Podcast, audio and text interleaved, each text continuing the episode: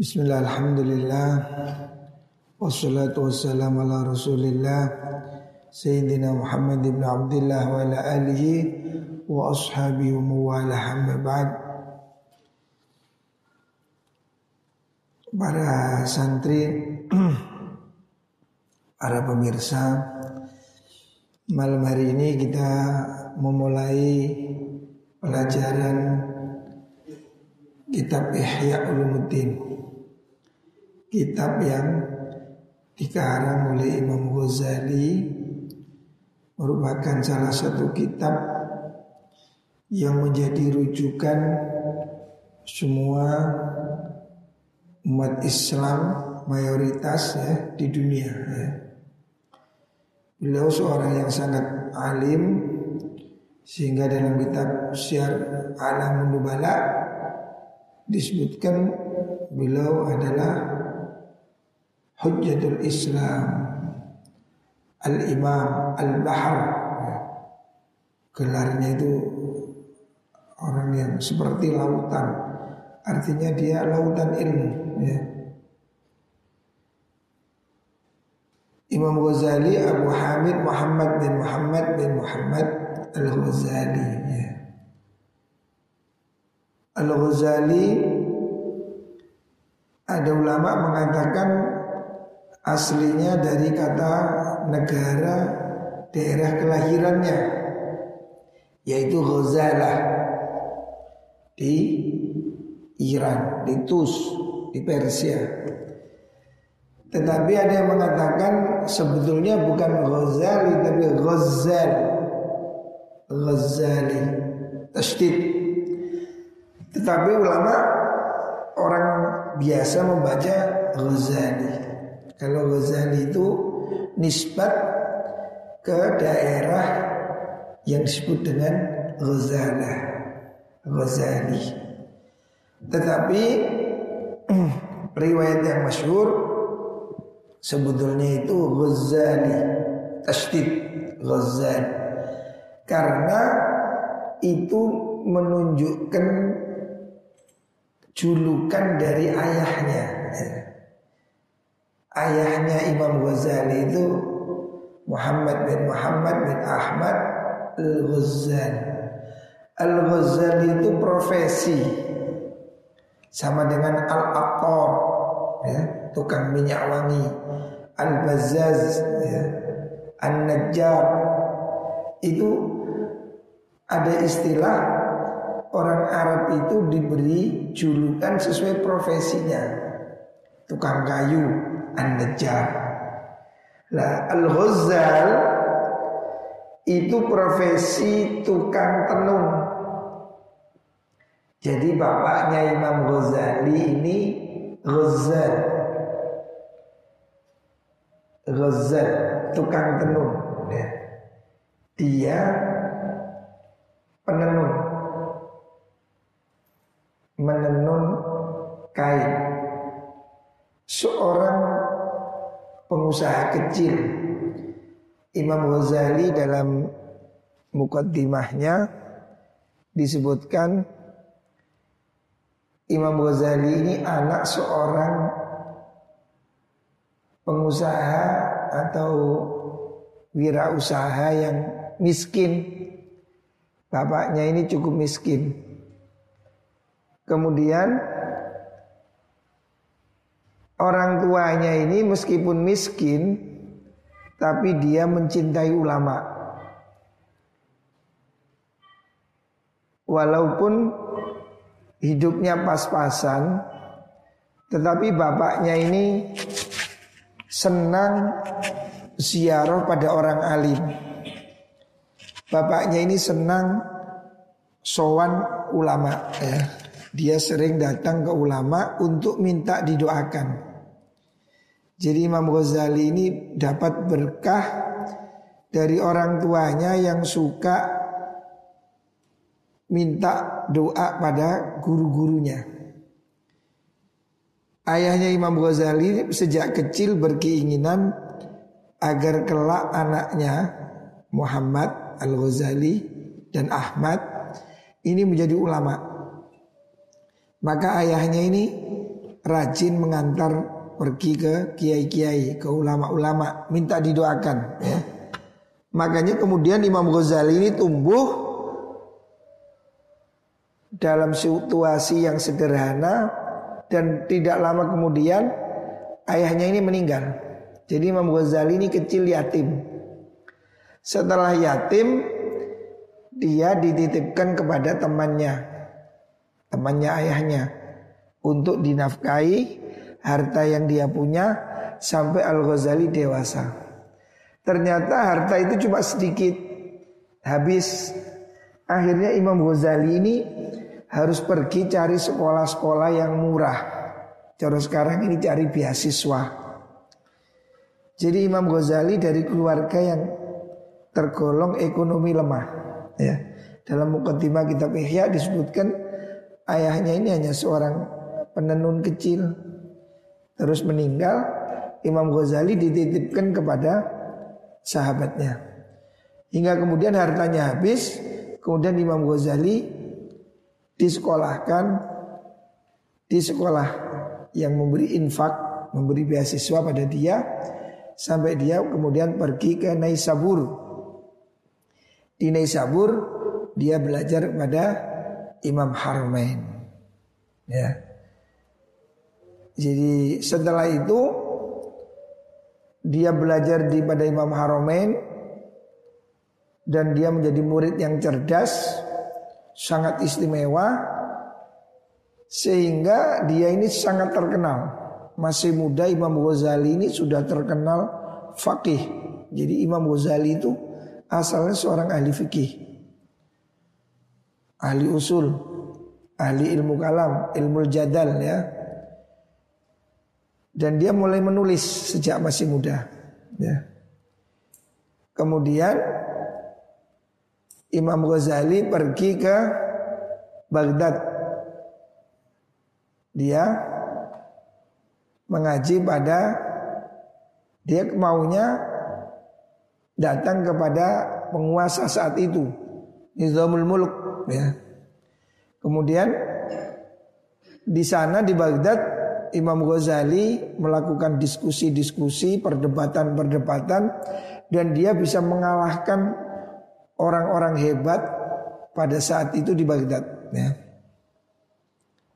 Sehingga akhirnya dia Imam Ghazali diangkat sebagai guru besar di Nizamiyah di Baghdad. Ya.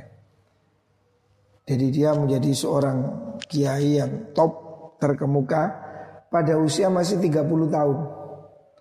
Di usia 30 tahun Imam Ghazali sudah menjadi guru besar di Baghdad. Tetapi kemudian Imam Ghazali tidak merasa senang di situ. Imam Ghazali hanya menjabat kira-kira empat tahun di Baghdad. Setelah itu Imam Ghazali pergi ke Mekah. Ya. Setelah dia pergi ke Mekah, kemudian dia menetap di Damaskus. Sekitar selama 10 tahun, Imam Ghazali bersembunyi di Damaskus, di Masjid Umawi. Di situ Imam Ghazali mengarang kitab Ihya Ulumuddin. Ya. Dan Imam Ghazali ini luar biasa. Pada semua ilmu Imam Ghazali ini ahli. Kadang orang itu hanya ahli bidang fikih, tetapi tidak ahli di bidang lain. Tetapi Imam Ghazali ini ahli di semua bidang. Ya. Di ilmu fikih dia sangat hebat. Kemudian di ilmu kalam, di ilmu usul, dia menguasai hampir semua bidang ilmu.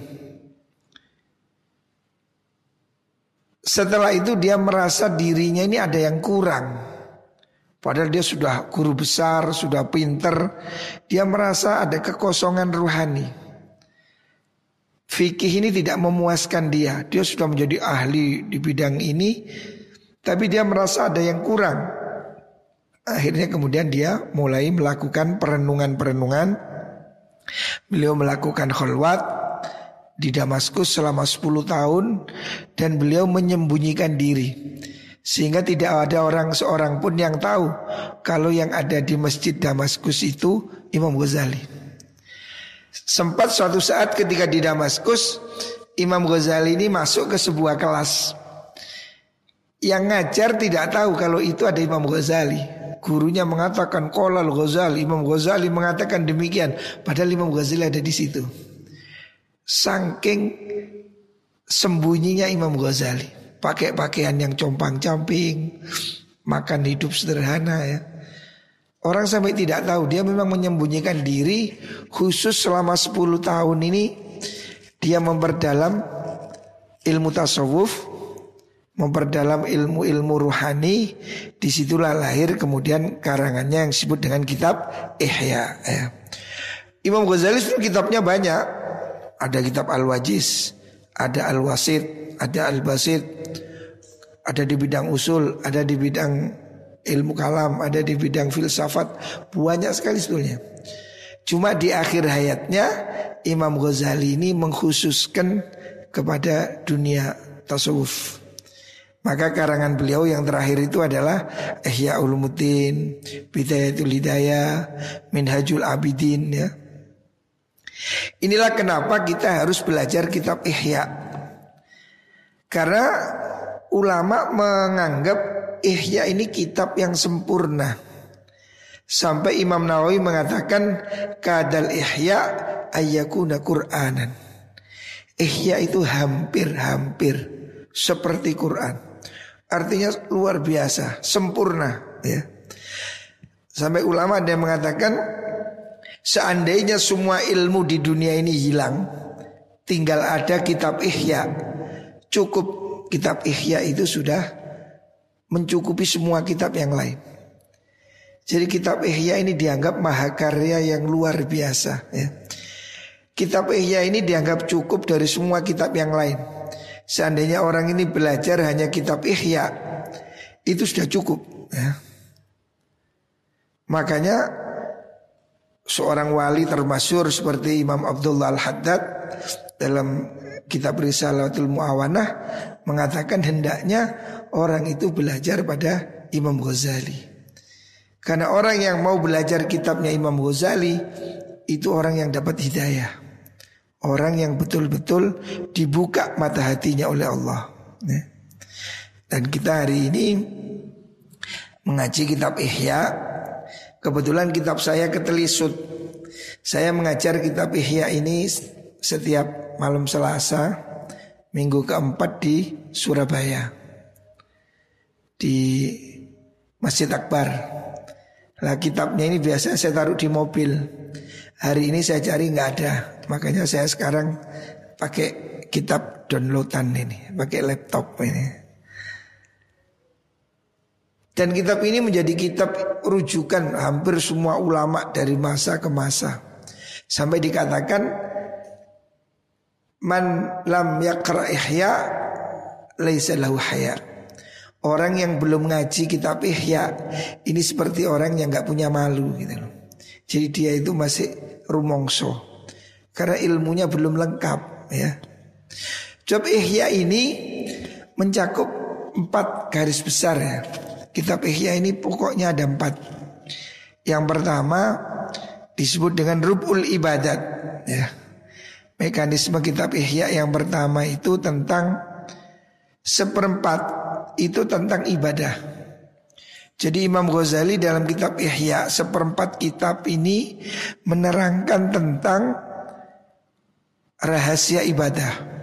Mulai kitabul ilmi, kitab tentang akoid, rahasia toharoh, rahasia sesuci, rahasia wudhu, rahasia sholat, rahasia-rahasia ibadah. Hingga saat ini yang sedang kita kaji hari ini ini bagian yang keenam dari kitab Rub'ul Ibadah. Jadi Rub'ul Ibadah seperempat bagian. Jadi Imam Ghazali menjadikan kitab Ihya ini menjadi empat bagian. Seperempat ini disebut dengan Rub'ul Ibadah. Rub'ul Ibadah ini Imam Ghazali menjelaskan mulai tentang ilmu, tentang akidah, rahasia sholat, rahasia puasa, rahasia zakat, rahasia haji ya. Di sini rukun ibadah. Kita hari ini akan membahas tentang kitabu asraris saum wa muhimmatihi. Kita akan membahas tentang kitab rahasia puasa dan hal-hal penting yang ada dalam bab puasa. Nanti ada seperempat lagi yang disebut dengan rubul adah. Rubul adah ini menerangkan tentang berbagai macam etika Mulai adabnya makan, adabnya menikah, adabnya berteman, adabnya pergaulan, adab adabnya bekerja dan seterusnya. Nanti yang seperempat lagi disebut dengan rubul muhlikat. Seperempat hal ini tentang mulai tentang pembersihan diri, hal-hal yang membahayakan, ujub, ria, ya penyakit-penyakit hati ini dibahas dalam rubul ibadat. Baru kemudian yang terakhir itu rubul munjiat. Seperempat ikhya yang terakhir itu membahas hal-hal yang menyelamatkan. Mulai tentang ikhlas, sabar, takut ya, sampai yang terakhir persiapan untuk kematian ya. Sehingga orang kalau mau belajar kitab Ihya ini sempurna. Dia akan selamat di dunia sampai di akhirat. Berbeda dengan kitab fikih yang lain. Kitab-kitab fikih itu umpamanya mengajarkan tentang sholat. Yang diajarkan tentang cuma bagaimana hadap ke barat. Bagaimana menghadapkan dada ke kiblat. Tetapi belum sampai mengajarkan bagaimana menghadapkan hati untuk tunduk patuh kepada Gusti Allah. Ya. Jadi Ihya ini kenapa ada rahasia sholat di situ mulai azan rahasia azan. Bagaimana sikap kita ketika mendengar azan? Bagaimana sikap kita ketika berdiri menghadap sholat ya? Kamu berdiri itu bayangkan seperti kamu berdiri di depan presiden. Kamu berdiri di depan presiden pasti nggak berani tolak toleh pasti jejak. Lah Allah itu presidennya presiden. Kenapa kamu sholat kok mencelak-mencelek, obah-obah? Seandainya kamu di depan presiden pasti kamu tidak berani obah. Gatel pun kamu pasti gigit semut pun kamu diem. Wah, di depan manusia, lah di depan Allah bagaimana sikapmu? Wah, ini yang dibahas tentang rahasia sholat, khusyuk dan seterusnya. Kitab-kitab fikih hanya mengajarkan menghadap kiblat, meluruskan badan, tetapi tidak sampai bagaimana meluruskan hati bagaimana khusyuk, bagaimana dia sholat mengingat Allah, mengenal Allah, dilihat Allah. Nah itu dibahas dalam kitab Ihya ya. Hari ini kita akan memulai Kitab Asrar Som wa Muhimmatih ya. Sengaja saya memilih satu bab aja. Tapi ini nanti sudah cukup panjang ya. Pembahasan tentang rahasia puasa dan hal-hal penting yang terdapat dalam puasa. Harapannya supaya kita bisa mempersiapkan diri lebih baik. Semoga diberi panjang umur sampai bulan Ramadan bisa menjalankan Ramadan dengan baik. Amin Allahumma amin. Mari kita mulai dengan baca surat Al-Fatihah. Al-Fatihah.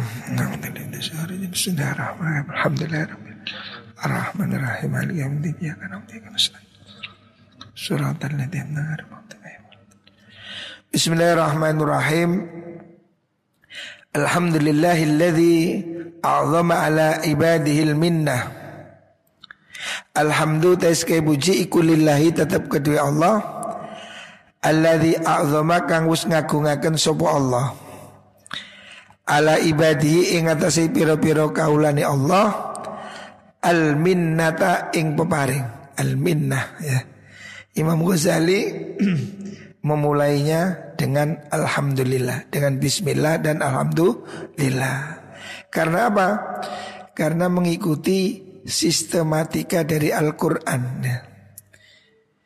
Al-Quran kan dimulai dengan bismillah baru alhamdulillah. Jadi setiap bab dimulai seperti ini. Jadi Imam Ghazali mulai ini kan bagian dari kitab Ihya. Tetapi seakan-akan ini satu kitab sendiri. Ya, makanya dimulai dengan bismillah. Terus yang kedua dengan alhamdulillah. Karena mengamalkan hadis yang diriwayatkan dari Rasulullah wasallam bahwa kullu amrin dzibalin la yubda'u bismillah fahuwa aqta. Riwayat yang lain mengatakan lam yubda fihi bilhamdulillah fahuwa aqta. Ya. Jadi ada dua hadis. Kullu amrin dzibalin la yubda'u fi bismillahirrahmanirrahim fahuwa ajzam. Semua pekerjaan yang dimulai tanpa bismillah apa pun itu maka itu tidak sempurna ya azam. Sama dengan akto ya. Maksudnya itu cacat ya. Yang kedua hadis kullu amrin dzibalin la yubda'u fihi bilhamdulillah fahuwa aqta.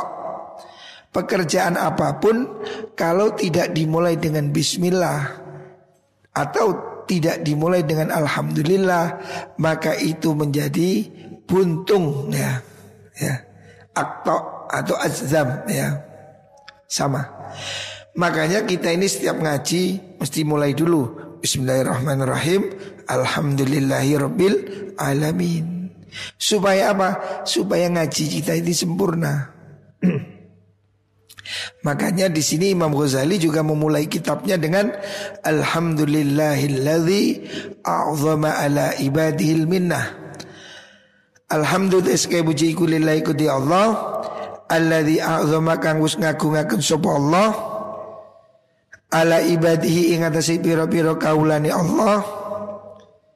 al minnata ing peparing segala puji bagi Allah yang telah memberikan anugerah agung pada hambanya. Kita ini hidup ini sudah menerima anugerah luar biasa ya. Anugerah itu bukan hanya uang, iman, Islam, sehat. Ini adalah anugerah ya. Tetapi yang lebih khusus di sini lamma dafa'anhum kaidasyaitani wa fannah. Imam Ghazali mengatakan Allah memberikan kepada hambanya anugerah yang besar. Apa itu? Lamma dafa'a semangsani nolak sapa Allah anhum sangking ibad kaidas syaitani ing tipu daya setan wa fannahu lan rekadayani setan. Nikmat Allah yang terbesar menurut Imam Ghazali Menurut Imam Ghazali salah satu nikmat yang besar itu Allah sudah melindungi kita dari godaan setan ya. Kalau tidak dilindungi Allah kita ini tidak bisa ya. Kita ini jangan sok gagah ya. Sebetulnya kita ini lemah Menghadapi setan kita ini tidak mampu. Kalau sampai hari ini kita kok bisa di pondok Hari ini kita di rumah masih mau ngaji Itu adalah nikmat dari Allah. Karena Allah mendorong setan pergi dari kita. Seandainya Allah biarkan setan itu menguasai kita, tidak ditolak oleh Allah, pasti kita nggak mau ngaji. Jadi kita hari ini ngaji ini saat ini kamu duduk di sini atau anak-anak yang di rumah mau ngaji di rumah itu anugerah. Karena apa? Berarti Allah telah menyingkirkan setan dari hidup kita. Seandainya kita tidak dibantu Allah, hari ini kita lebih enak main game lah. Ya? Enak mana? Ngaji sama game. Oh, main game pastilah.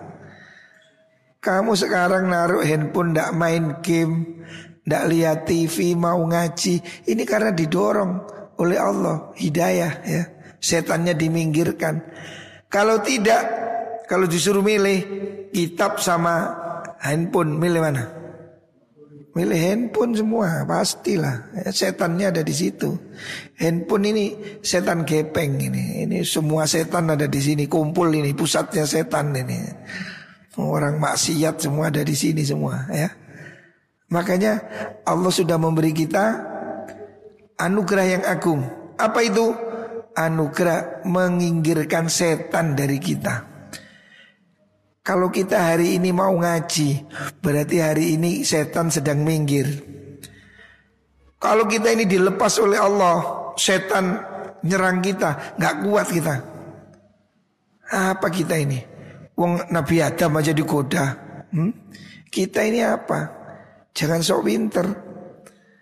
Dibanding setan kita ini tidak ada apa-apanya, ya. Makanya anugerah yang terhebat bagi Allah bagi kita dari Allah salah satunya adalah kita dilindungi dari setan. Makanya kita selalu berdoa A'udzubillahi minasyaitonir rajim. Waradda amalahu wa khayyaba. Waradda lan nolak sapa Allah amalahu ing kekarepane setan.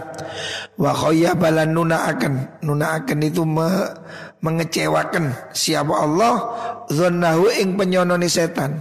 Setan ini mengira dia bisa menguasai kita gitu Setan ini kan sudah bersumpah kepada Allah bahwa la ughwiyannahum ajmain. Fa bi izzatika la ughwiyannahum ajmain. Setan ini dulu waktu diusir dari sorga sudah sumpah Saya demi keagunganmu ya Allah akan saya sesatkan semua Jadi setan ini rumongso Dia pasti menang rumongsonya. Tetapi Allah memberi jaminan orang-orang yang ikhlas. Illa ibadaka minhumul mukhlasin. Ya. Jadi kalau kita bisa mengatasi setan minimal hari ini, saat ini kamu nggak pegang HP, kamu nggak main game, berarti setanmu sedang pergi. Ya. Kalau kamu dikuasai setan, kamu pasti sembunyi nggak mau ngaji, cari tempat untuk mojok sama HP, apalagi film porno, naudzubillah ya, itu setan ya. Allah lah yang membuat setan itu kecewa. Hari ini sebetulnya setan itu sedang godai kamu. Samsul digoda, sul sul, jok ngaji sul, main game sul. Nah, setan sudah hampir menang, tapi Samsul dengar suara saya takut, kerotak-kerotak ngaji. Coba tadi saya nggak ngaji, Samsul pasti main HP. Ya, makanya kamu diselamatkan oleh Allah. Jadi setan itu berusaha mencengkeram kamu, jangan ngaji, jangan jamaah, jangan sholat, tidur aja, kelon aja. Wah, setan berusaha membuat kamu sembunyi, jangan ngaji, ya. Makanya anugerah Allah terbesar itu kalau kita ini bisa dibebaskan dari setan. Minimal saat ini Saat ini kita mau ngaji nih Berarti setan sedang diusir sama Allah ya Kecewa setan itu. Nangis. Di belakang sana setan nangis. Sul sul Sul Bengok bengok setan musul Kok niku tak keloni kok ngaji Setan ini geru-geru yang buri kono ya. Biasa kon singitan kayak buri, laundryan, roset ngono, setanmu nggak nangis tuh, nanti ngono. Itulah anugerah Allah. Kita bisa ngaji saat ini ini anugerah ya. Kita mau ngaji, mau jadi santri, mau ibadah, itu anugerah. Sebab setan maunya kita itu jangan ngaji, jangan sholat, jangan patuh orang tua, Urip sak karepe dhewe wis kaya kethek iku. Enak wis muto pencolot ngono iku lho. Wis setan ingin kita seperti itu ya. Idh ja'ala sawma hisnan li awliyaihi wa junnah. Krono lam dati akan sapa Allah as-sawma ing poso hisnan ing benteng. Benteng li awliyaihi maring piro-piro kekasih Allah wa junnatan lan ing dadi tameng. Ya. Allah memberikan anugerah besar berupa apa? Berupa puasa, ya. Puasa itu anugerah dari Allah. Karena apa? Puasa itu adalah merupakan hisnun. Hisnun itu benteng ya. Benteng. Kita ini oleh Allah dibentengi. Dengan puasa ini kita dibentengi setan nggak mau dekat ya.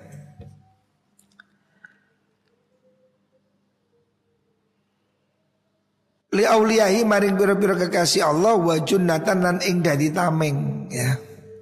Jadi Allah itu melindungi kekasihnya itu dengan cara puasa ini ya. Allah mengatakan in auliyahu illal muttaqun. Orang-orang yang bertakwa itu kekasih Allah ya. ya. Dan junnah tameng ini mengikuti hadis yang diriwayatkan dari Abu Hurairah, diriwayatkan Imam Muslim, Rasulullah Shallallahu Alaihi Wasallam bersabda, wasaumu junnah. Puasa itu adalah tameng. Ya.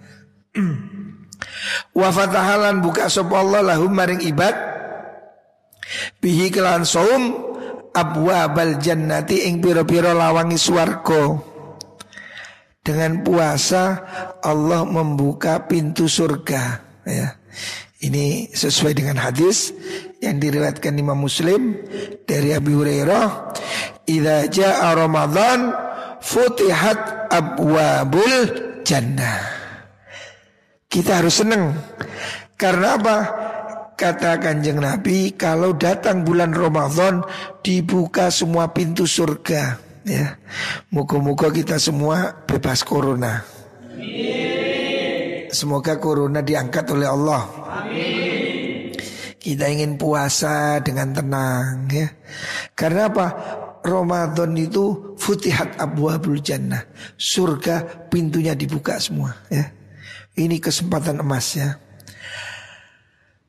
Wa arrafahum lan meruhaken sapa Allahum ing ibad anna wasilata syaitani sudune dalane setan lantarane setan ila qulubihim maring pira-pira atine ibad iku asyahawatu pira-pira kesenengan al mustaqinnatu kang kuat.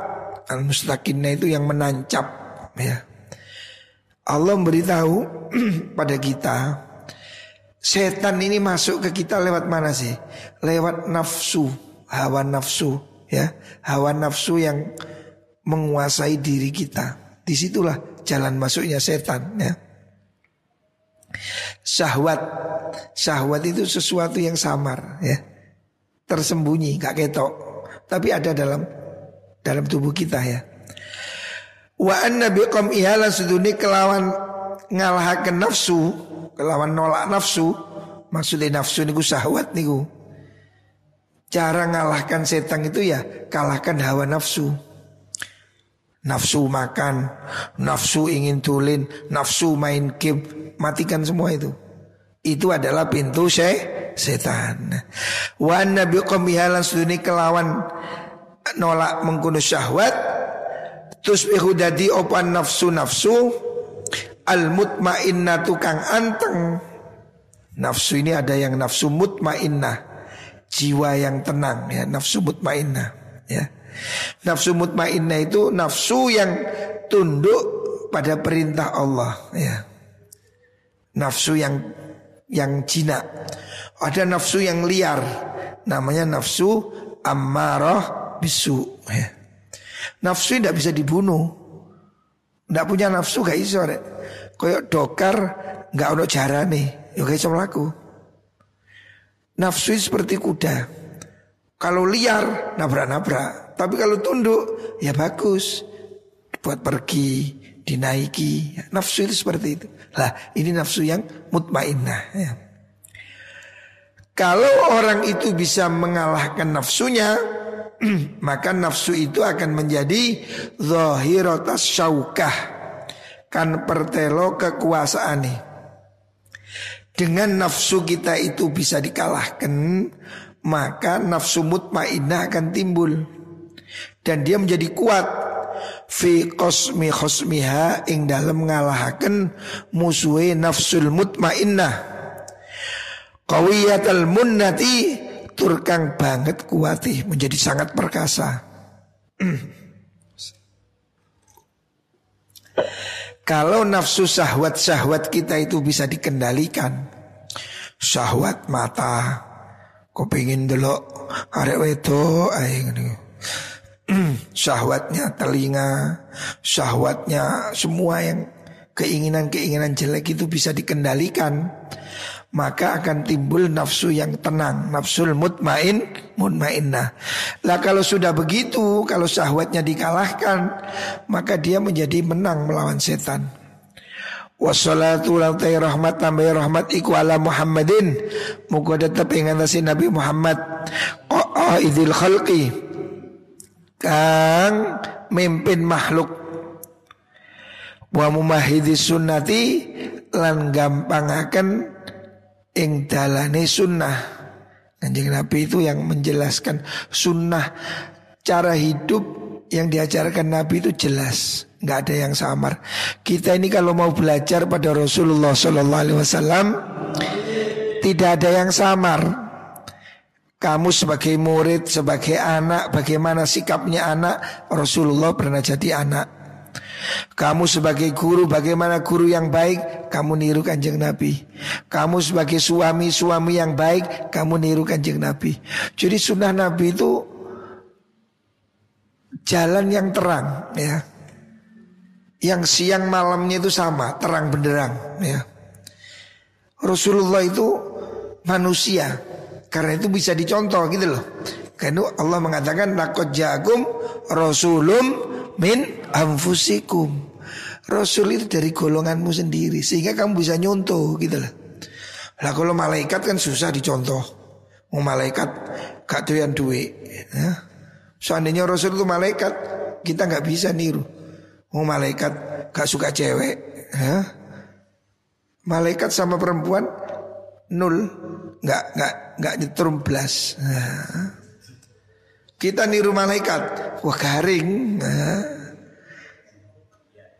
Kanjeng Nabi itu bisa ditiru Karena apa?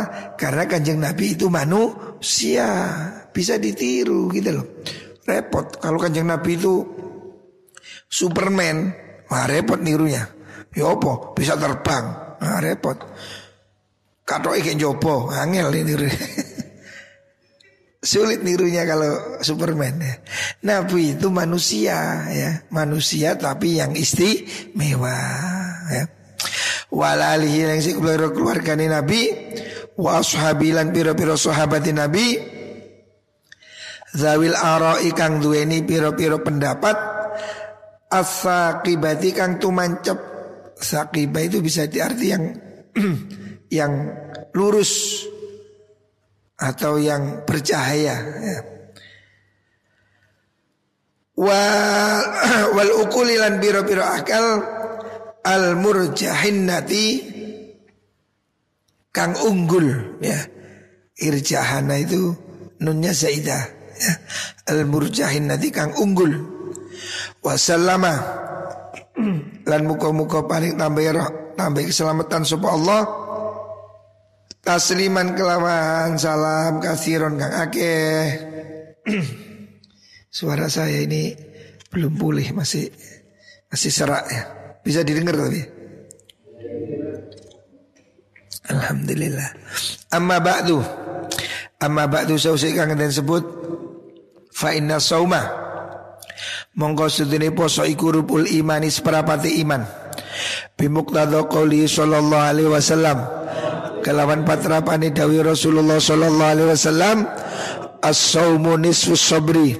As-saumu tai poso iku nisfus sabri separuh sabar. Wa bimuqtada qouli sallallahu alaihi wasallam. Dan kelawan patrapane dawi Rasulullah sallallahu alaihi wasallam as-sabru utawi sabar iku nisful imani separui iman. Ya. Imam Ghazali memberi pengantar bab puasa dengan mengatakan bahwa puasa ini seperempat dari iman. Loh kok bisa? Ya, puasa ini seperempat dari iman. Karena apa? Karena ada hadis ya. Ada hadis yang diriwayatkan Imam Tirmidzi dan hadis ini hasan ya. Begitu juga diriwayatkan oleh Ibnu Majah dari Abi Hurairah. Rasulullah sallallahu alaihi wasallam bersabda as-saumu nisfus sabri. Puasa itu separuh dari sabar. Jadi sabar ini seandainya bisa dipotong jadi dua, separuh sabar itu adalah saum. Puasa ini separuh dari sabar, ya kan? Terus ada hadis yang kedua. hadis ini riwayat Imam Baihaqi. Riwayatnya Imam Baihaqi uh, riwayatnya bukan ini riwayatnya Abu Nuaim dalam kitab Al-Hilyah. Begitu juga Imam Khatib dalam kitab At-Tarikh dari sahabat Ibnu Mas'ud dengan sanad yang hasan. Tapi begitu juga ada juga riwayat dari Imam Baihaqi mengatakan as-sabru nisful iman. Sabar itu separuh dari iman. Nah, jadi ketika dikatakan bahwa puasa itu seperapat dari iman, seperapat dari iman. Ngukurnya dari mana? Ngukurnya dari hadis pertama bahwa puasa itu separuh dari sabar, ya kan? Sabar itu separuh dari iman. Berarti iman itu kalau dibagi dua, separuhnya adalah sabar. Sabar kalau dibagi dua lagi menjadi puasa. Makanya puasa itu seperempat dari i, iman. Paham? Jadi iman ini kalau dibentuk satu bola, iman ini kalau ditugel sigar luru, separuhnya itu adalah sabar. Jadi pokoknya iman ini tugel del inti dari iman ini 50% sabar. Ya. Nah sabar ini kalau dipecah jadi dua separuhnya itu puasa. Nah, makanya puasa ini seperempat dari iman. Ya. Ini hadis ada orang mengkritik hadisnya imam kitab Ikhya itu tidak sahih. Oh tidak begitu ya. Tidak semua. Memang Imam Ghazali tidak menyebutkan sanad di dalam kitab Ihya ya. Imam Ghazali seperti di sini kan langsung mengatakan hadisnya langsung as-saumun sabri.